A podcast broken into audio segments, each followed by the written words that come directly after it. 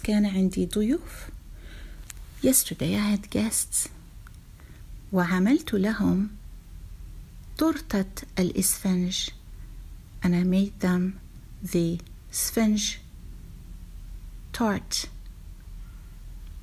believe it or not صدق أو لا تصدق it's an old recipe هي وصفة قديمة that I turned into a modern recipe حولتها إلى وصفة حديثة بدل أن أعمل كرات مختلفة عملتها تورتة واحدة instead of making different balls I made it one pie so look up any sponge recipe and make it as one pie then cut it as pizza it's very fun and very easy ابحث عن وصفة السفنج في الإنترنت وبدل أن تعمل أقراص اعملها تورتة واحدة واقطعها مثل البيتزا.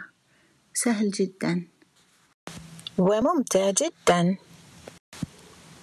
I've added links to both the English and Arabic recipes in the description.